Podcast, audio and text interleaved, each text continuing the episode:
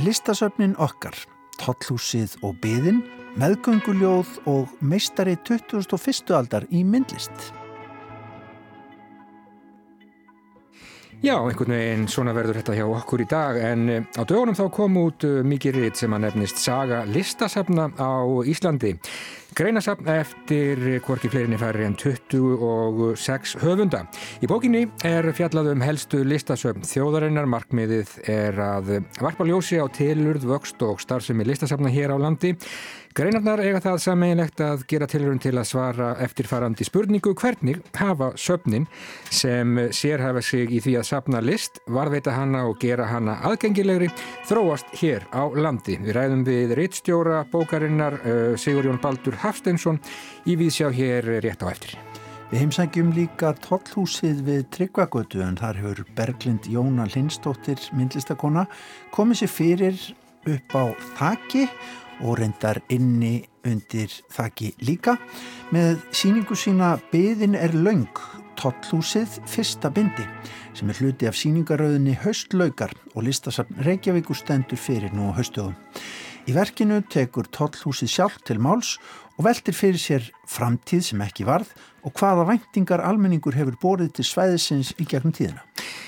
Og Kristín Svafa Tómasdóttir réttufundur, hún segir eh, hlustendum frá bók Vikunar sem að þessu sinni er ljóðasafnið með gönguljóð úrval sem að eh, hefur að geima efni úr á fjórðatögu ljóðabóka sem upprennandi ljóðskáld sendu frá sér á árabilinu 2012 til 2018 undir merkjum meðgöngu ljóða. En þessi röð var á þessum árum þáttur í mikilli vakningu í íslenskri ljóðlisti og nýrlisti Breskablaðsins The Guardian yfir bestu myndlistarverk 2001. aldar kemur einning við sögum og Íslandingar eiga mestara. Heldur betur meira um það síðar. En fyrst hér í Víðsjá eru það listasöfnin. Á dögunum, bara núna í síðustu viku held ég, kom út mikið ritt sem að nefnist Saga listasafna á Íslandi. Þetta er greinasafna eftir 26 höfunda upp á ríflega 550 blaðsýður. Hér er fjallaðum öll helstu listasöfn þjóðarinnar og markmiðið, jú, að varpa ljósi á tilurð, vöxt og starfsemi listasafna hér á landi. Greinarnar eiga það sameinlegt að gera tilrönd til að svara spurningunni hvernig hafa söfnin sem sérhafa sig í því að safna list. Varvita hana og gera hana aðgengilegri þróast hér á landi. Lítam á á þetta reitt sem hluta af rannsóknarbilgu á síðustu árum sem hefur þyrlað upp spurningum um upphaf og hlutverk listasafna í fortíð og nútíð og er reitið að einhverju leiti hugsað sem grundvöldur frekari rannsókna á þessu sviði sem að vekur auðvitað margar spurningar, söfnin er jú margskonar og þau eru mörg og þau hafa ímis hlutverk og starfsemi þeirra segir okkur sitt af hverju um menningar, pólitík, alþjóðleg tengsl, svo ekki sé nú talað um það hvað við teljum til listar frá einum tíma til annars. Saga listasafna á Íslandi kemur út hjá rannsóknarsetri í safnafræðum við Háskóla Íslands en rittstjóri er Sigur Jón Baldur Hafsteinsson. Hann er stattur úti í Edinborg í Skotlandi og hann er á línunni. Komdu sæl Sigur Jón til hammingu með sögu listasafna á Íslandi. Já, hvers konar rít er þetta? Uh, þetta er eiginlega uh, já, rít sem hefur hérna bráð vantar. Uh, rít sem hérna fjallar um helstu menningarfotnamir landsins, tekur á 135 ára sögu listasafna frá Stormur listasafni Íslands 1884 til Uh, já, dagsins í dag í farsenni bæði þarfana sem eru til lífi í, í, hérna, í landinu en, en síðan er, er, er þetta líka um stopnum einstaklega listasafna allt til ársins 2007 Já. sem er svona síðasta safni sem er svona enn til sérstaklega sem, sem listasafn og það er hérna vatnarsafni í fyrir vestan. Já, það er nýjast. Já. Já, einmitt. Og þið eru að skrifa, já eins og þú segir um um tilurð og, og vöxt og starfsemi listasafna uh, hér á landi og svona hvernig Já, hvernig þessi söpn okkar sem eru, jú, fjölmörg, ég er ekki við sem að, að fólk gerir sér almennt, almennt grein fyrir því hversu mörg þau eru í raun og veru, en já, þau eru að skrifa svolítið svona um það hvernig, hvernig þessi söpn hafa, hafa þróast í, í gegnum tíðina. Já, þetta eru, eru þess að 26 höfundar sem uh, fjalla um 25 uh, söpnlandinu og, og, og áherslan er á uh, það sem já, við kallum listasöfn og þetta eru þessi söfn sem við kannski tekjum og munum eftir þegar, þegar orðið hérna listasöfn er að góma. Það er svo listasöfn í Íslands, listasöfn Reykjavíkur, listasöfn Afnesinga, listasöfn eða Akureyri og svo framvegis. En, en síðan eru líka uh, dregnar inn í þessa mynd, kannski minna þekkt uh, listasöfn eins og uh, hérna listasöfn sem eru á, á framfæri, ef við getum orðað svo, hérna sveitafélag við hann landis og Ísafyrði og, og hérna uh, Nerköpstað og, og fleiri, fleiri sveitafélag, Vestmannin. Já, einmitt. Og, og það er svona verið að, að hérna svona fjalla um tilur þessara, þessara safna og, og starfsemina og, og eitt af því sem er kannski sem kemur mér á óvart eftir að ég hérna, byrjaði þetta, þetta verk og fekk uh, allt þetta fólk uh, þess að 26 hundur til einsumig uh, er, er, er að, að er hversu svona mikilvæg, mikilvæg hlutverki þessi söfn hafa gengt í þessum samfélögum sem þau eru og, og bæði sem vettfangu myndlistar Eh, en líka sem eh, vettfangur eh, annars konar menningarstafs. En, en eitt af því sem má ekki gleyma er að, að listasöfn eins og til að mynda Hafnaborg í Hafnafyrði sem bara mjög gott dæmi er, er svona uh, uh, þessi hérna, vettfangur tónlistar.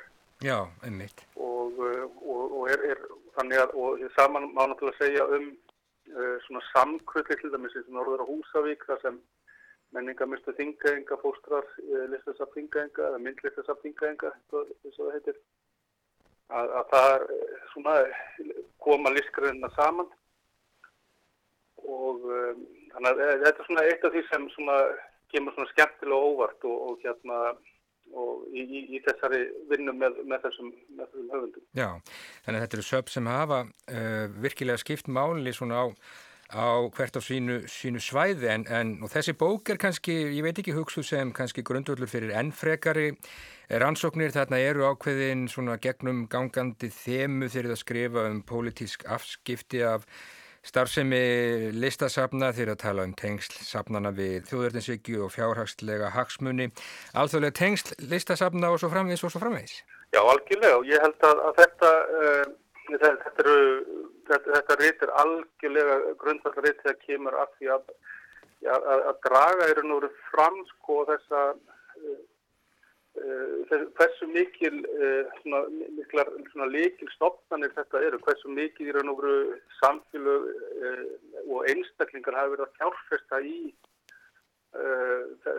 þessum. Og, og hérna og, og þarna náttúrulega byrtist náttúrulega í hverju grein og þetta er annari mjög svona marglaga uh, saga, ólíkir hagsmunir, uh, spurningamerki um já bara tilgang, ég tala ekki um uh, tilgangin í dag, hvað, hvaða tilgangi þjónum það í dag, getur maður spurt sig eftir að hafa lesið þetta verk, hérna, hvaða tilgangi þjónum það í dag fyrir Eh, smærri uh, samfélag að, að halda út í listasafni. Já, það er kannski allt og stór... Það er betri að það voru komið til sögunar og, og svo framvegis og framvegis. Já.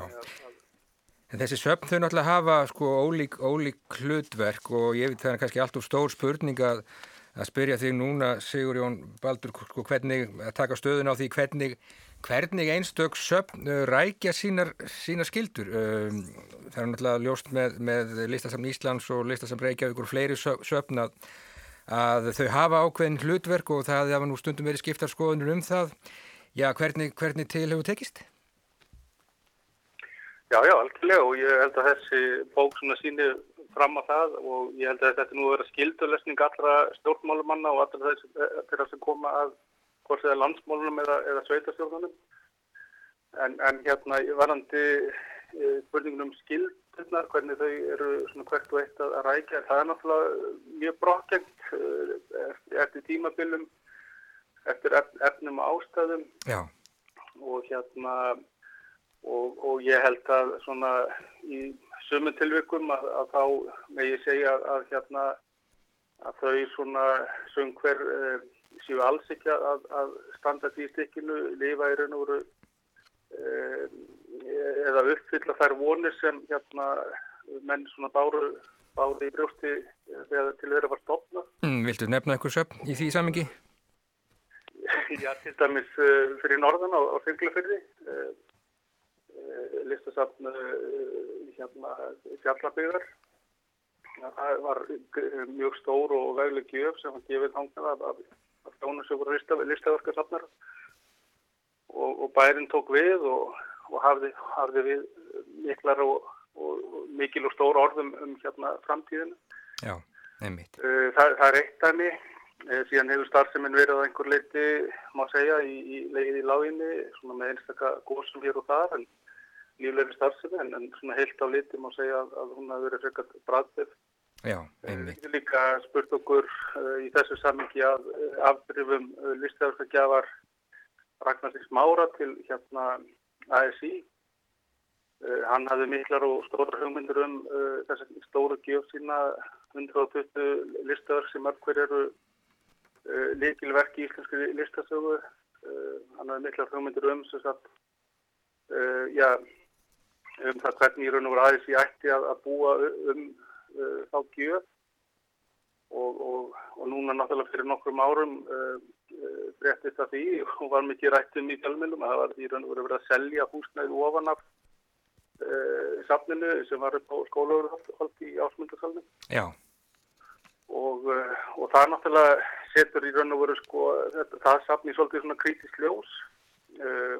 Það setur þá gjöf í mjög kritisk ljós og, og bara þetta er svona, tvö, svona dæmum í tengslu við uh, uh, þetta sem við varum að spyrja um. Já, nákvæmlega. Þannig er náttúrulega mjög mörg önnur, önnur aðfyrir sem hérna eru svona byrjið sko vekja öll spurningar og eitt, eitt af því sem okkar ekki segja sem er að því við nefndir sem rauða þráður á þenn að eitt af því sem er rauðu þráður og, og í gegnum þessa, þessa reitkerf er einmitt spurningin um gjöfina og, og hérna þar sem þúsundur einstaklinga uh, hafa verið að gefa uh, þessu safnum uh, verk bæðir náttúrulega myndlistaminn sjálfur en líka safnarar og fleiri. Þannig hefur, má kannski segja þannig hefur raun og voru sko myndlista senan með tilliti til sko listasafna byggst upp á, á kjöfum Já, einmitt. Og það er auðvitað merkil, merkileg saga. Já, nákvæmlega. En það vekur auðvitað aðtikli, Sigur Jón, að uh, þjóðminjasafnið er uh, ekki með í þessari bókusafn sem að hefur náttúrulega að geima já, myndlist bara frá, frá upphafi, frá því að landbyggðist nánast. Uh, en annars eru nú flestir, flestir mættir þarna. Mér langar kannski aðeins bara að spyrja þau undir lokin, sko. Er, er, er einhver glöf að vantar okkur fleiri fleiri söfn eða þurfum við bara að standa betur og já, standa betur að þeim söfnum sem að þegar eru, eru starfandi? Já, það er alveg, alveg klárt að það þarf náttúrulega að, að, að bæta betur í þessar uh, mentastofnunir. Söfni er náttúrulega mentastofnunir og, og huga að hérna börnunum okkar uh, og þau hérna þarf náttúrulega styrkja og, og um þau þarf að tala þegar verður að ræða um mentakerfi. Skólar er ekki bara þeir eins sinna mentum. Nei, söfnum gera það líka. Og ég held að, að, að þetta gap sem þú myndist á að, að því miður og þá er ekki þarna reytið um uh, þjóðminnisafn í Íslands en, en það er náttúrulega uh, líka listasafn hefur raun og veru ráða uh, varðveitir í raun og veru okkar myndlistasögu frá landnámi og í raun og veru framöndir ja, fram til dagsins í dag eiginlega. Þannig er, þar eru náttúrulega út, útskurður og hannirðir og margt annað sem hérna, byggingalistinn og kirkjulist, já. Eh, en, en því miður fegst ekki neitt til þess að, að hérna, taka að sér að skrifa uh, um, um, um þann þátt í, í þessari, já, í raun og veru stóru sögu sem, sem Saga listasafna á Íslandi er. Já, sjáum hvað setur síðar með það en uh, Saga listasafna á Íslandi Hún er komin út rétt sem að mögulega já, fyllir skarði í sögu listasöfnunar og menningar miðlunar hér á landi frá já, stofnun listasaps Íslands árið 1884 og fram til dagsins í dag. Ég segi til hamingu með bókina. Aftur Sigur Jón, hvernig er veðrið í, í Edinborg? Já, þakka þér fyrir það. Það er bara mjög gott og hér er ennþá sumar og fól og hitti. Já. Men bara rólegir þáttur er hérna brexit raunir. Já, ljómandi gott. Ég segi bara takk fyrir spjallið og, og gangið vel og bestu kveður til, til Edinborgar. Takk. Takk að þessum leiðis.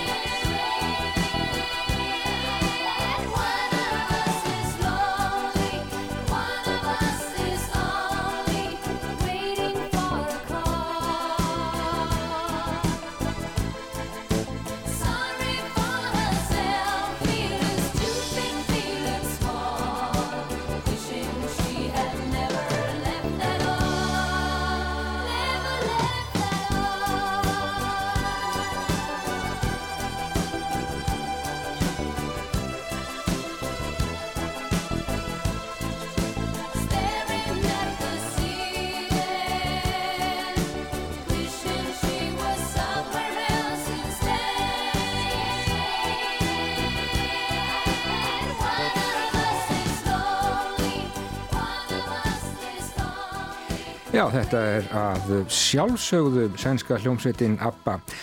Us, einn af okkur lag af plötunnið Visitors, áttundu plötu þessarar vinsælu hljómsveitar sem að koma út í november 1981 og já, það er engin tilviljun að við spilum uh, nákvæmlega þetta lag og lag af þessari plötu nákvæmlega núna, hvernig? Nei, það er full ástæða til. Eh, frettir úr myndlistarheiminum. Breskablaðið Guardian var að taka saman lista sem að kalla besta myndlist 2001. aldar.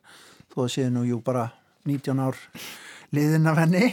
Að þá eru þeir hér með 25 myndlistaverk þar sem að, sem að þeir telja bara í, í sérflokki á síðustu árum. Og hver trónir þar í, í efstasæti á Jú, nema Ragnar Kjartansson. Já, með verkið The Visitors á orðinu 2012. Þeir hafa verið að taka saman ymsar listgreinar undanfarnar daga. Ég veit ekki hvort þeir gerir svona lista á hverju ári núna. Þeir eru mjög listaklæðir. Það Já. kom listi núna um daginn um, um bestu plötur þessarar aldar. Þar var Amy Winehouse held ég í, í efstasæti. en- Skaldsögur og þetta kemur allt bara í röðum. En þannig er fjórir sem að hérna, koma sér saman um þennan lista. Þannig að það er aldrei gott að, að Ragnar sé það er í fyrsta sæti. Það er bara algjörlega frábært og, og þessi hljómplataðu Visitors, hún kemur heldur betur við sögu í, í þessu verki. Já, algjörlega. Um, það má kannski velta fyrir sér og ég, það var einhver svona, já, einhver gárungin að tala um það að svona listar, e, sérstaklega í myndlistinni þá, þá færum við nú bara eftir, eftir verðmiðum. Sko það, ég, það er kannski einhver þráður í þessu en það sem er kannski erfitt að leggja mat á að þetta er mjög oft verk sem eru bundin stað og stund. Já, einmitt. Þetta eru innsetningar mjög oft, uh, daldið að vídeoverkum reyndar sem eru sínda aftur og aftur. Þannig til dæmis verkið hans Ólaf Seljasonar sem var í Tate Motor árið 2003, The Weather Project, sko sem var algjörlega bara í, bara í þessum turbinu sal og svo aldrei neitt meira. Og. Annað sem að maður sér á þessum lista er líka hver svona bretlandsmiðaður hann er. Það er hans mörgverk sem að hafa komið fyrir í söpnum og síningasölum í Bretlandi Já, einmitt. og svo auðvitað fullt af verkum sem maður hefur ekkert séð vegna þess að þau líka eru áttu sér stað og stund. Svona er myndlistin í dag. Já.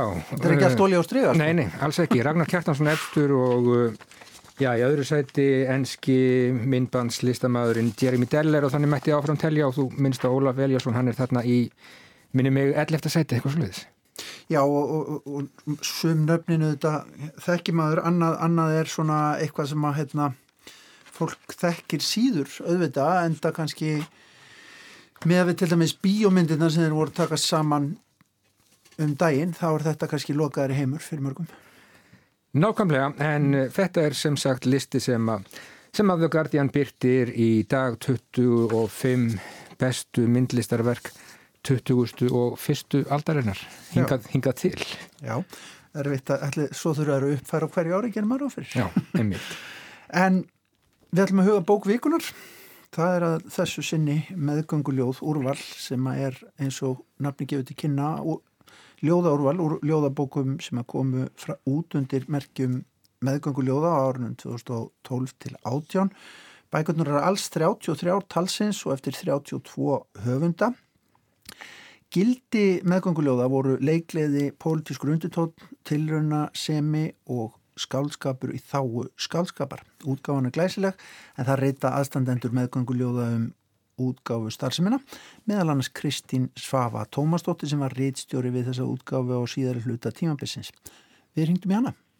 Meðgönguljóð var sem sagt ljóðabókaserja sem byrjaði að koma út árið 2012 og var stopnuð af Valgerði Þórótsdóttur og Kára Túliníus og Sveinbjörgu uh, Bjarnadóttur og, og kom svo út þanga til árið 2018 og þetta voru uh, 33 bækur í heldina sem komu út, svona litlar, nettar bækur, uh, títillin meðganguljóð vísaði til þess í að uh, þetta væri sem sagt þú ættir ekki að kipt með þér svona ljóðabók bara eins og take away kaffibotla um, og þetta voru mjög mikið svona uh, yngri skáld og skáld sem að höfðu ekki gefið út mikið áður. Þannig að þetta var svona markmiðið var meðal annars að þetta væri vettvangur uh, fyrir skáld svona að stíga sín fyrstu skref uh, en líka bara til að prófa ímislegt Já, serían síðan líku göngu sinni þarna 2018 og, og þá var ákveðið að gefa út þetta ljóðasapn sem að myndi, eða ljóðaúrval sem að, sem að inni heldur uh, í rauninu fjórar síður úr hverri af þeim 33 ljóðabókum sem komu út í, í seríunni. Stór hluti að þessu er að ungskáldin eða skáld sem að já yfirleitt eru ekki reynd í útgáfu þau fá svona handleðslu, skulum við segja. Já, það var uh, partur af fyrirkomulæginu uh, hjá meðum gljóðum að það var bara mjög svona kerfisbundið vinnulag í rauninni að hvert skáld fekk útlutað rittstjóra sem var stundum einhver af okkur rittstjórunum, ég og Þórður Sævar Jónsson komum semst inn í uh, útgáfuna um miðjan uh, mitt þetta tímabill uh, á samt Kára Túliníus og stundum rittið við bókum en, en oftar þá, þá fengum við einhver svona reyndari skáld bara utan um bæ og þá var í rauninni einhver eitt rittstjóri sem að svona uh, leiti skáldið áfram og, og, og svona aðstöðu við að uh, ganga frá handritinu til, til útgáfi þannig að þetta var mjög svona uh, í, í förstum skorðum svona reytstjórnar fyrirkomuna.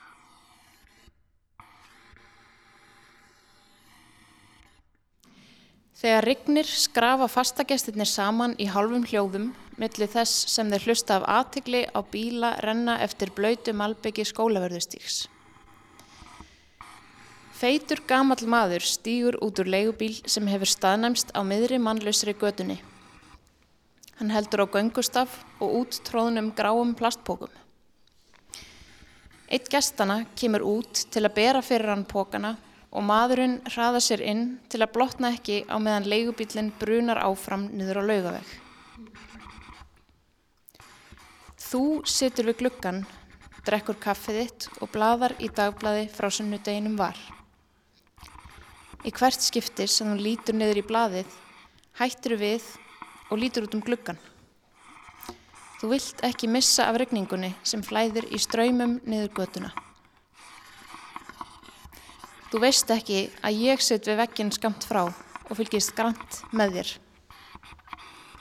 Þú þekki mig ekki því ég er dölbúinn sem slökkulismæður.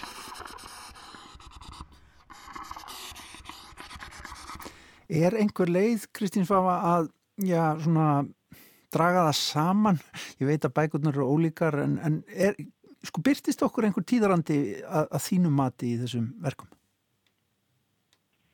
Ég bara veit það ekki, ég held að ég bara get ekki svarað þeirri spurningu. Þetta eru eins og segir, þetta eru rosalega fjölbreyta bækur. Uh, ég og Káru og Þórður vorum þau sem að völdum ljóðin í úrvalið Eh, þannig ég hef svo sem ágættis yfir sín yfir, yfir bækurnar en, en ég allavega myndi kannski ekki endur að treysta mér til að segja til hún að allavega ekki uh, aðs og stöndi. En þetta er rosa bara eh, hérna, já, fjölbreytt og, og frjótt. En svona þegar þetta er saman komið í þetta úrval sko og þú reynir hérna í eftirmála að draga þess saman þessa sögu sko, það er alveg mikið vegt að fá svona sneiðmynd af því sem er að gerast þó að sé innan þessa mengis á ákveðin tímambili, þetta gefur okkur smá, smá tíðranda og, og ákveðin svona já, vitnisspurðum það hvað fólk var að hugsa, ekki sett? Jú, algjörlega. Og, og mér finnst þetta rosalega skemmtilegt að sjá hvernig þetta kemur uh, svona sama uh, við reyndum að velja, það var þetta þegar við vorum að velja í úr hverju bók, það gætu þetta stundum orðið svolítið flókið, við reyndum svona að fara einhvern milli vegmilli eh, svona að taka bæði það sem okkur fannst bara best og, og hérna og svona við vildum helst hampa en reyna líka einhvern veginn að sína svona bæði kannski hvað við komandi bók gekk út á en líka þá eru marga bækurnar bóðar síu ekkert mjög langar þá eru þær samt e, fjölbreyttar. E, þannig að við reyndum þá kannski að gefa svona smá sínisotn af Eh, fjölbreytninni innan hverjar bókar líka. Og ég held alveg bara tímur að laust þetta meðgöngulega serían var það svona ábyrrandi eh, bara í græsrótar útgáðu á löðlista á þessum tíma. Um, að ég held að það hafi bara mjög mikið gildi frá ymsum sjónarhóttum að taka þetta svona saman og, og, og setja, uh, saman í, í bók. Þú snýrð baki í heiminin á meðan ég renni fingri yfir áletrun og reynitrén tegja skuggana og fölar greinar í átt til okkar. Rík halda með rótum í fólkið í moldinni. Heil æfi táknuð með einu bandstriki. Það er mikið lagt á eitt greinamerki. Ég held að sé í teksta valgerðar og kára í bókinni þar sem þau eru svona gefa manni insýn í já, umstangið í kringum þetta. Það, það, fyrstu bækurnar voru saumaðar saman í heimahúsi og það voru haldinn saumapartí, ljóðabóka saumapartí. Sko, svona fyrir ykkur aðstandöðuna þegar þetta er komið út í svona veglugu sapni, eh, er engin svona nostálgíu eftir þessum gamlu góða tím? Ekki fyrir mitt leiti, ég get svo mikið tala fyrir, fyrir hérna rittstjórna og, og ég náttúrulega, eins og ég segi, ég og Þorfur Sævar komum náttúrulega inn svona uh, aðeins síðast, þannig að, þannig að við fylgjum ekki þessari seri alveg frá upphafi eins og, og valgerður og kári gerði. Um, sko, það má kannski benda alveg á það, bara fyrir forrættin sækir að hérna bæði er þarna þessi eftirmáli minn og Þorðar uh, í, í safninu og svo skrifa valgerður og kári líka pistil. Uh, svo skrifaði ég grein um meðgöngljóð og starfsemi þeirra í tímaritt máls og menningar Emitt. sem kom út í janúar 2019 um, og, og ég enda þá grein á bara nótum sem að er í rauninni bara svona lýsa mínum tilfinningu sem er bara hlutinir hérna renna sitt skeið og, og sérstaklega svona innan einhvern veginn í græsrótinni þar sem að fólk er að gera vinna mikið af, af, af svona sjálfbóðastarfi og svona e, þá er bara, hef, hef, hafa hlutinir oft bara ákveðin líftíma og, og ég held að það sé auðvitað er, er eftir sjá að ymsu sem að síðan hverfur en, en þetta er líka hluti bara af, af eðlilegri syngar ás og, og svo koma bara hérna nýjir hlutir og nýja rattir og, og það er ekkert er ekkert alls slemt sko sprettur aftur í, í græsróðinni Já, nákvæmlega mm.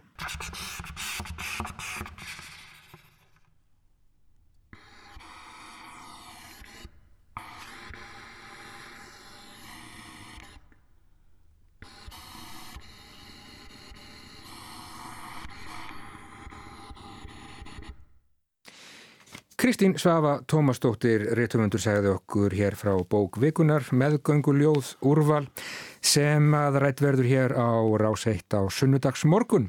Þegar gestir auðar aðalsteinsdóttur verða Luciano Dutra útgefandi og Sigurlín Bjarnei Gísladóttir skáld. Í einslæginu lásu Arngunnur Árnadóttir úr bóksinni Unglingar og Tryggvi Steinn Sturluson úr bók sem að heitir Vastígur. Það var norski trompetleikarin Arve Henriksson sem blés, já eða andaði í gegnum trompetin sinn þarna í læginu, lægi sem hann kallar einfallega Breathing. Já, en við ætlum að huga að myndlist sem að fer fram á nokkuð óvennilegum stað, hvað langt séðan að hafa komið upp á þakið á tollhúsinu við Tryggvagutu, Eirikur? Eh, Kanski svona 32 ár. góða ágiskun.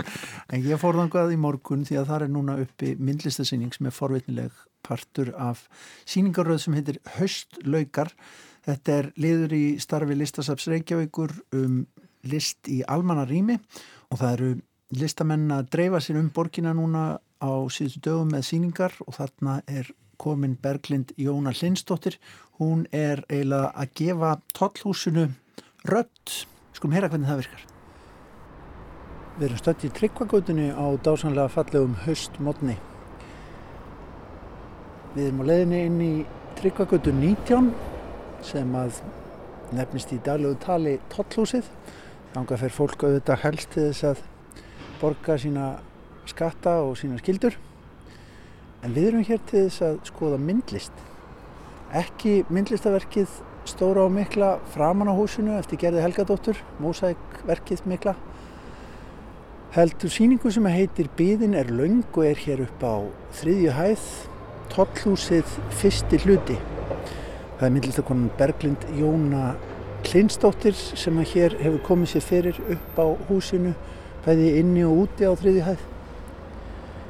Við ætlum til að funda við hana. Bíðin er laung tollhúsið fyrsta bindi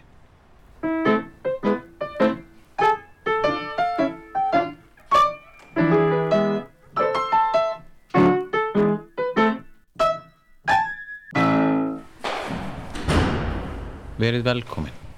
Má bjóða ykkur sæti? Má ekki bjóða ykkur sæti? Það er betra að sitja þegar byðin er laung. Setjist niður. Byðin er laung. Má bjóða ykkur botla? Byðin er laung. Þið getið lokað augunum. því að Gullfoss kemur aldrei framar. Góðan daginn, sæl og blessi. Er þetta miðin? Já. Aðgangum miðin? Er vörðurinn skartan er að flagga hérna. Já, það er vörður. Þú er, tekur það að þér að, að vera Ég er ekki vörður, Nei. en hún var að mæta. bara meðan það er verið að setja upp í dag. Já, Þeir eru að opna. já. Í hverju fælst opnunin? Hver eru morgunverk varðarins? Morgunverk, hann, hann mætir og, og opnar húsið og, og hérna og passar að stimpillin síðan réttur í dagsetningu Ok. og hérna klæðir sig í, í hérna enginnisbúning og, og flaggar. Enginsmark. Já, Þú ert að hugsa um þetta hús eða ekki? Og svona þessa starfsemi sem er hérna innan, innan dyra. jú, akkurat, hérna í raun og veru er þetta verk uh, tóllhúsi sjálft að tala. Það er einmitt Gísli Halldórsson sem hefur teiknað mig með þennan líka fína komusal fyrir farþega Gullfoss. Það finnast mér ljóðuræn örlög að farþegi sem festist í stríðinu vegna þess að skip hans var hertekið hafi síðar búið til komusal fyrir samnafna arftaka þess í sinni heimahöfn. Hér er mín heimahöfn og já, ég er komið heim. Þannig að þetta er rannsóknarverkefni sem ég er búin að vinna uh, út í sögu tóllhúsins. Það sem ég staðsett mig sérstaklega hérna á það sem heitir núna þriðja hæðin. Um, þetta voru fyrirvundi bílastæði og agbrutin hérna yfir höfnina og rannsóknin mín hún svona, já, hún, hún svona hefst í kringum það. Þannig að uh, tóllhúsið er mjög mikið að ræða um þessi mál. Maður man eftir svona rampi hérna, Já, þar, sem að nýju, nýju húsin eru komin auðvitað við endan á húsinu. Já. En ég man sem þá ekki eftir að hafa farið inn upp á bíl. Það er eiginlega svona fyrir okkar tíð. Við munum eftir rampinum en hann, hann er tekin þarna 80 og eitthvað, uh, sem sagt brúin sjálf. En uh, hérna í raun og veru var það bara tímabundi laust þessi rampur að það átti að vera brú yfir í fjárhæða bílastahús sem hefði verið hér. Og það var svona bæði draumur í upphafi en líka voru tekninga frá svona 80 eitthvað þar sem það var bara mjög líklegt að það er byggt hérna fjárhæða bílastahús og svo er þið kyrt á milli. En svona uh, kannski áhugaverðasta og skrítnasta við þetta hús er að hugmyndirnar þær koma með aðalskipulæni 62 og, og, og þarna erum við að hugsa um enga bílinn og framtíðina. Og það er eitthvað svo fallet við þetta hús að þetta er svo góð áminning um hvernig allar okkar hugmyndir um framtíðina bresta alltaf og, og, og það gera það meira þess að í látlisari byggingum en þetta. En þetta er svo góð, gott dæmum það. Við erum hérna að byggja framtíð Íslands. Við erum nýtt lífvildi, við hérna erum búin að safna fylgta peningum til að byggja þetta veglega hús. Og við þurfum náttúrulega að vernda hérna höfnina af því að hún er náttúrulega aðal innkoma okkar á þessum tíma. Og við bara trúum því ekki að einhver tíman verði ekki nákvæmlega höfnin hérna, bara akkurat hérna í miðbæ. Og, og eða þú veist ekki að, að við trúðum því aldrei hún yrði ekki það mikilvægasta við þetta svæði. og þannig að við hérna það voru gerð skilmála fyrir þessum húsi að yrði hérna agbraut yfir höfninni og þetta er í rauninni brúar hlutin sem er hluta þessari byggingu og þetta er náttúrulega rándýr framkvæmd að hafa þetta sem hluta af húsi og mjög ópraktíst og hefði aldrei verið gert í öðrum hérna kringumstæðum.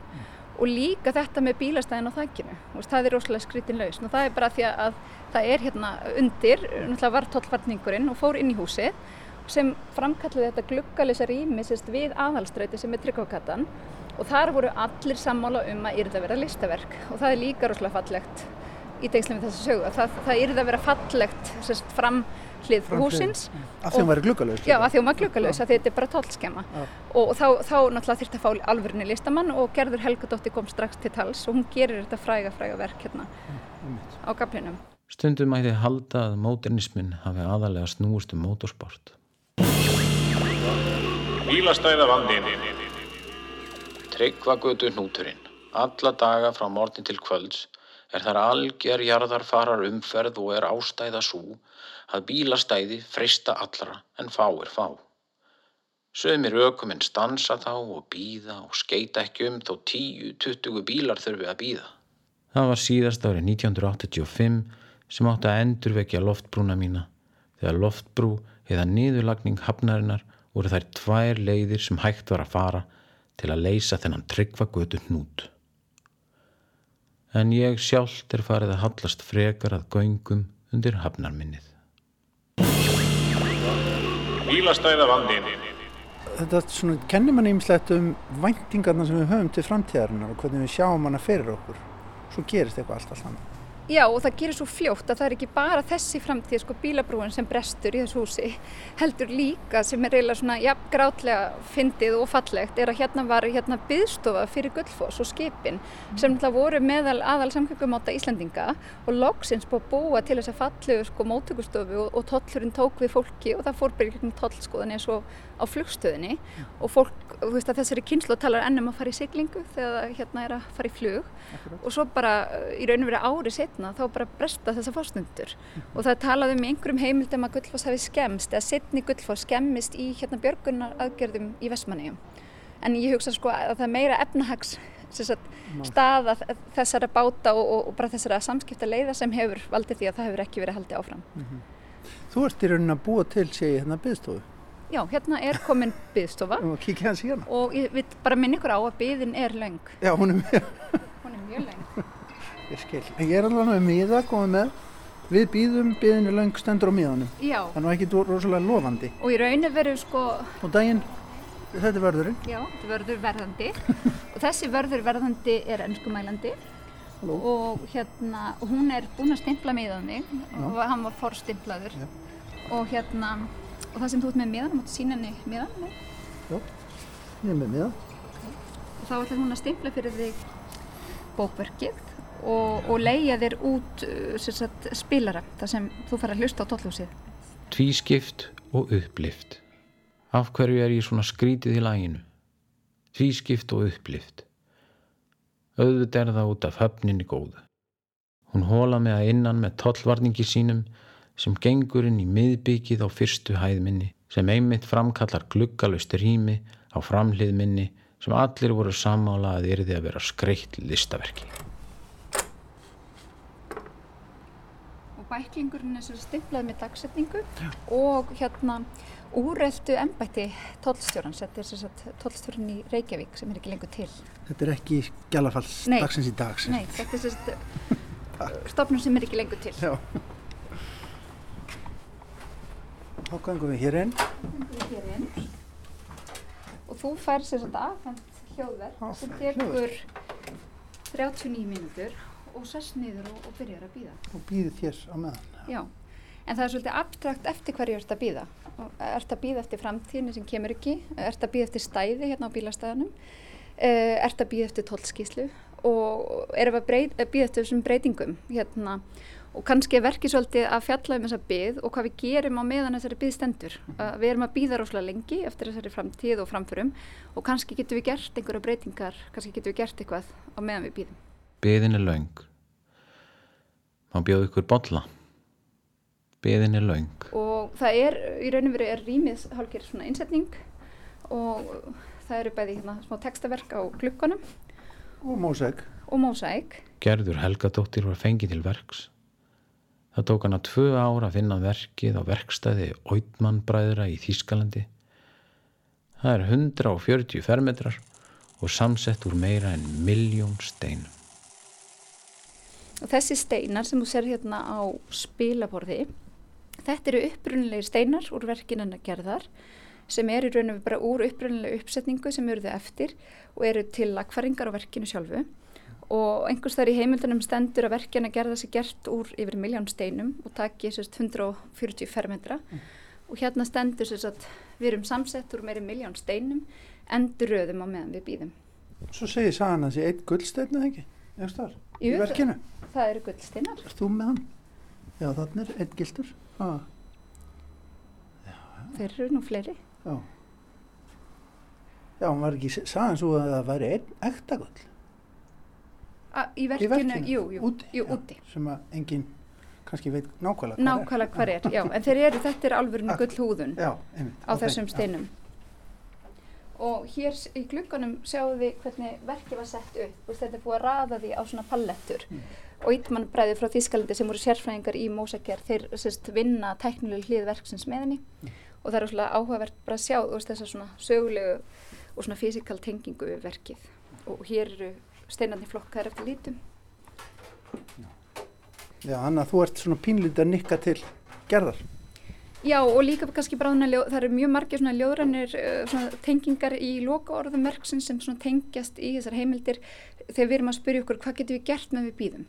Og eitt af því er þetta, þú veist, bara þessi ljóðræni gjörningur að endur aða að við þurfum, þú veist, við erum með alls konar fína bita alls konar fínar hugmyndir, ég menna þessi tollhúsi var að mörguleiti mjög fín hugmynd og eru svona vönduð hugmynd. Mm -hmm. og hérna, hún er alltaf hlutar þessari mótinísku svona sögu Reykjavíkur. Mm -hmm. og Gísli Haldarsson sem er svolítið, hann er eina af þessum personum í sögunni. Mm -hmm og, og hann er mjög mikilvægur arkitekt á Íslandi og hann byggir mikið af svona svolítið framhústefni húsum svona mótinismanns uh, sem aðalskipilagi var láta sér dreymu um stæðsta kúlu þakka á Norðurlöndanum mm.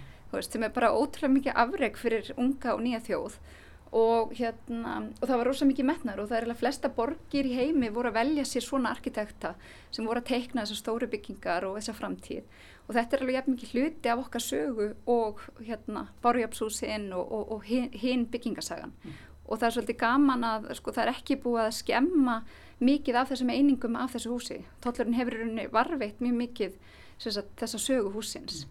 Þennan móturnism á þessan, þennan draum Já, af því að þú veist mjög líklega ef að koma, koma nýja reyndi þá verið byggt hérna, það eru hugmyndir um að byggja hérna tvær hæðir sem hafa komið upp, mm. það eru ekkit á töfunni núna en, en hver veit hvað gerist og, og það er eins og hérna fymta hæðin sem er afgreifslan sem er svo skrítið mm. að venjulega myndir alltaf vera með afgreifsla á fyrstu hæð en út af tollskemminu góðu og bílastæðnum á þakkinu að þá eru tvær liftur til að bera fólk upp á fymtu hæð mm. til að fá tollafgreifslu og, og það eru mjög fyndin bref og, og mér finnst svolítið gaman að eru svona munnmæla sögu og hvernig við tölum raunveruleikan til bæði hvernig byggingar eru talaðar inn í raunveruleikanu líka hvernig við tölum og tökumst á um þær og hvernig það mátar svolítið svona hvernig samfélagið sér þær og hvað þær verða mm. og mér finnst svolítið gaman í þessum verkum að leifa byggingunum sjálfum svolítið að tönglast á þessum orðum annara um þau og, og, og í sögunni þá tekur hérna tóllúsið til og, og hann er að, eða það er að rifja upp Uh, e, bref sem Lárus Fjellstedt skrifar skrifar þrjú bref í morgunblöðun sem eru mjög fyndin og er að kvarta yfir þessari afgreyslu á fymtuhæðinni og skipulagsleysunni og, og hvaða sérfræðingar hafi nú verið þarna við, við ráð. Guldfoss hættir ferðum mjög stuttu eftir opnun mína því að nú ferðast allir með flugdrögum. Og Guldfoss kemur aldrei framar. Kannski er ég eins og skip sem strandar eða hugmynd sem heldur ekki vatni. Samhengi sem hönnin mín fyldi hvar hraðar en nokkuð óraði fyrir. Ég er eins og frosið hangandi augnableik upphafa á öðrum farfi. Í því eru tækifæri sem hægt er að virkja eins og hálendið, hægt er að virkja, óbeisla náttúru afl mitt þar til jöklarnir harfa.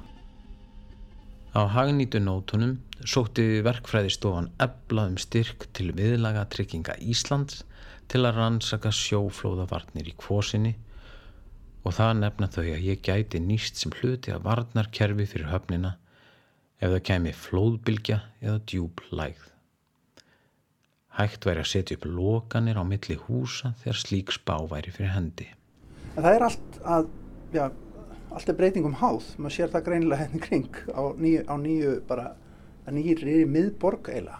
Já og það er líka svolítið áhugavert að þessari, þessari framtíð sem tollhúsið var að ymda sér og við vorum að ymda okkur að þá voru bílastæðin hérna á þakkinu og, og hérna við hliðinu hefðu verið þetta fjagra heiða bílastæðuhús en hérna nú eru bílastæðin komin neðanjarðar og við viljum helst ekki hafa þau ofanjarðar og, og hugmyndir okkar um borgarými og þetta rými hérna er mjög mjög breytt mm. og einhvern veginn þá er tollhúsið svolítið góður svona minnisverði til bílamenningarnar mm. og mér finnst það svolítið áhugavert hérna við hliðina þá þessum nýja hluta viðbarinn sem er bara gönguguttur og allt er neðanjarðar mm. og búið að hægja allir umferðinni í kring að þetta er bara Þetta eru, tímatinn tvennir þarna. Skrifstofan er flutt úr Arnarkvóli í tollhúsið Tryggvagötu 19, 5. hæð. Ingangur um eistri dyr frá Tryggvagötu.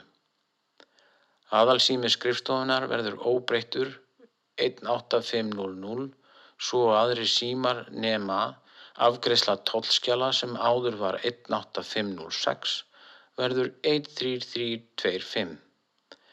Innlent tollvörugjald sem áður var 18508 verður 14292 tollstjóraskrifstofan.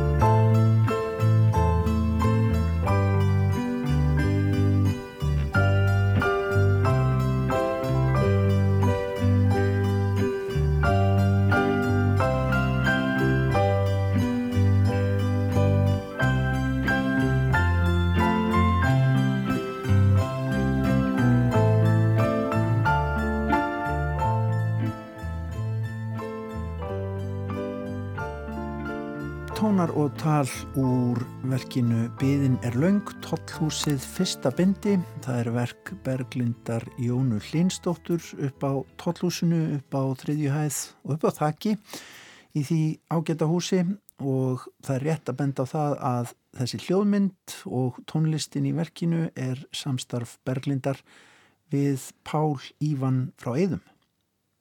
Já, hljómar hljómandi vel en uh, þá er dagskráin eiginlega tæmt hjá okkur í dag. Já, við verðum hér oftur á morgun eins og vennilega klukkan 16.05 verið sæl.